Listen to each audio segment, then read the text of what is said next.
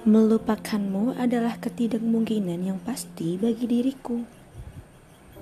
Menghilangkanmu entah memerlukan berapa waktu untuk benar-benar bisa aku lakukan.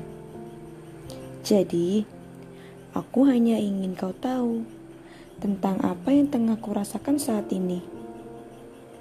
Aku memang tak seberapa paham mengenai ini, tapi sungguh aku begitu mengagumimu. Aku tak mengerti sejak kapan rasa ini telah ada, dan aku pun tak tahu mengapa harus dirimu.